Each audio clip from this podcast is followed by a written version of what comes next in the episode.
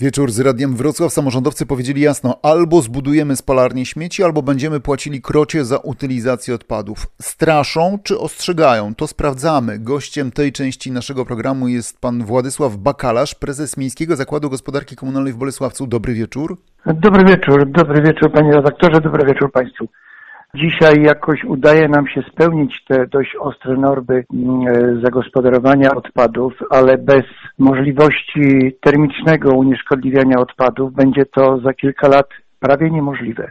W naszej ocenie muszą powstać, a na Dolnym Śląsku nie ma takiej instalacji, która będzie przyjmować odpady do e, termicznego unieszkodliwiania.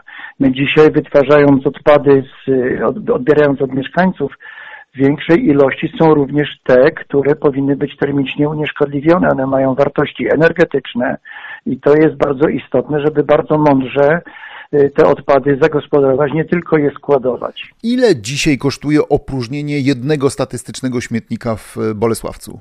W Bolesławcu są to ceny niskie, ale od 1 stycznia będą zmiany. Dzisiaj y, mieszkańcy, którzy sortują odpady, płacą 11 zł E, ci, którzy sortują, ci, którzy nie 15, ale ta cena będzie 26 zł e, i dwukrotnie większa, jeżeli ktoś nie będzie sortował tych odpadów, czyli będzie ponad 50 zł. E, to jest taki pojemnik 120-litrowy, który jest opróżniany raz w tygodniu dla jednego mieszkańca. Oczywiście ten system gospodarki odpadami w każdej gminie musi się samofinansować.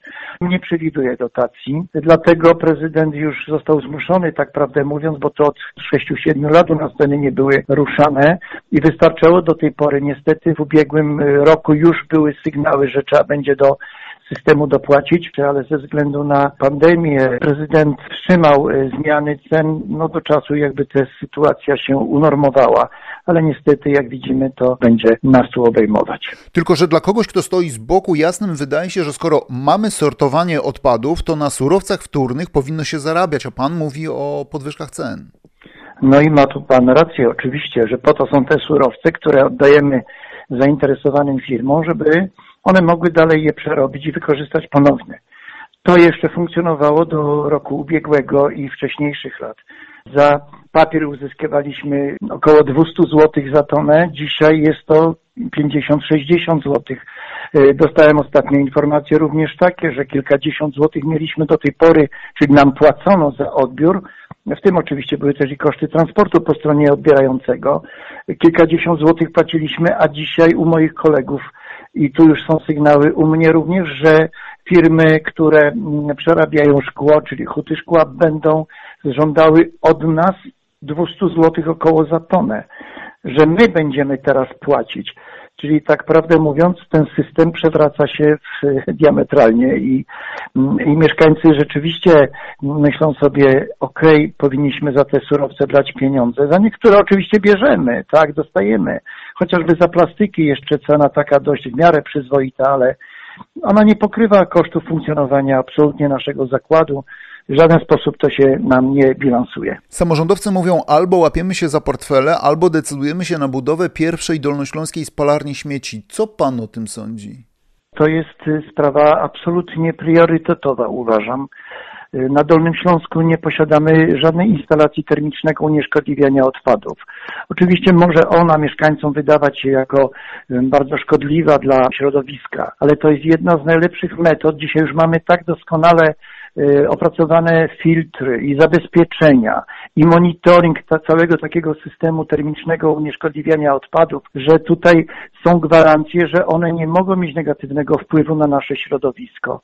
Przypomnę tylko, y, w samym centrum Wiednia stoi y, od kilkudziesięciu lat spalarnia odpadów, pięknie wyglądająca, wkomponowana w całe miasto i jakoś ona funkcjonuje, daje ciepło i daje energię, bo to jest najistotniejszy element, żeby mądrze wykorzystać to termiczne unieszkodliwianie.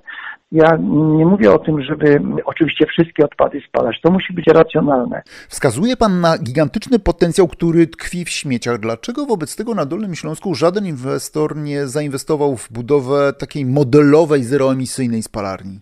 To jest dość trudny temat i trzeba sporo pieniążków wyłożyć Są środki pomocowe i unijne. Obawa myślę, że jest również taka, że nie wiadomo, czy będziemy mogli teraz w przyszłości skorzystać z tych środków pomocowych unijnych, ale to są też inne mm, sprawy, które, które myślę powstrzymują y, przedsiębiorców do powiedzmy nawet i zaryzykowania. Musimy też pamiętać o tym, że to mieszkańcy y, powinni zaaprobować y, tą naszą propozycję, że to my musimy im przedstawić rozwiązania, które będą najlepsze i przekonać ich, żeby można było wdrożyć ten system w regionie. Na razie mm, nie udało się to, widzę, na Dolnym Śląsku, choć oczywiście próby były. Były próby tutaj w naszym regionie legnicko-głogowskim, prawda, to też by dla nas było w miarę blisko, bo to jest kilkadziesiąt kilometrów taka instalacja oczywiście powinna funkcjonować. To jest opinia Władysława Bakalarza, prezesa Miejskiego Zakładu Gospodarki Komunalnej w Bolesławcu. Dziękuję za udział w audycji. Dobrej nocy życzę i wszystkiego dobrego. Za kilka minut przeniesiemy się do Legnicy. To właśnie tam, zdaniem prezydenta Lubina, powinna powstać pierwsza dolnośląska spalarnia śmieci.